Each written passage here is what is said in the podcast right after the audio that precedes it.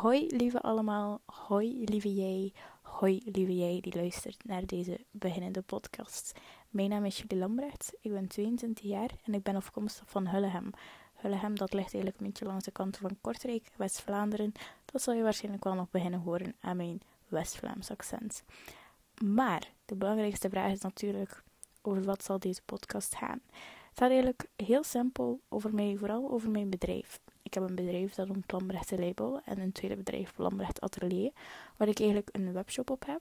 En ik vooral persoonlijke dingen eigenlijk creëer. Ik heb een fashion brand, maar ook zo'n beetje een gift brand, laat ik het zo zeggen. En daarnaast maak ik ook gepersonaliseerde dingen. Dus mensen die eigenlijk aanvragen. En het lijkt me enorm leuk om daar meer over te vertellen. En jullie meten nemen eigenlijk in die wereld. Maar daarnaast wil ik ook een beetje mijn persoonlijke touch erin mee te geven. En dit is vooral eigenlijk waarover dat deze podcast zal gaan. Ik hoop dat je hem leuk gaat vinden. Ik vind het heel spannend.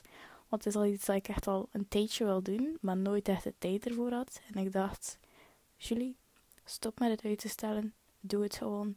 Super leuk om dat te doen. En mensen zijn daar waarschijnlijk wel geïnteresseerd in. Ik hoop het toch. Ehm, waarschijnlijk wel, aangezien dat jij luistert. Ehm, dus ja, ik zou zeggen, ik hoor je binnenkort terug. Of jij hoort mij binnenkort terug. met de eerste aflevering. En ja, heel spannend.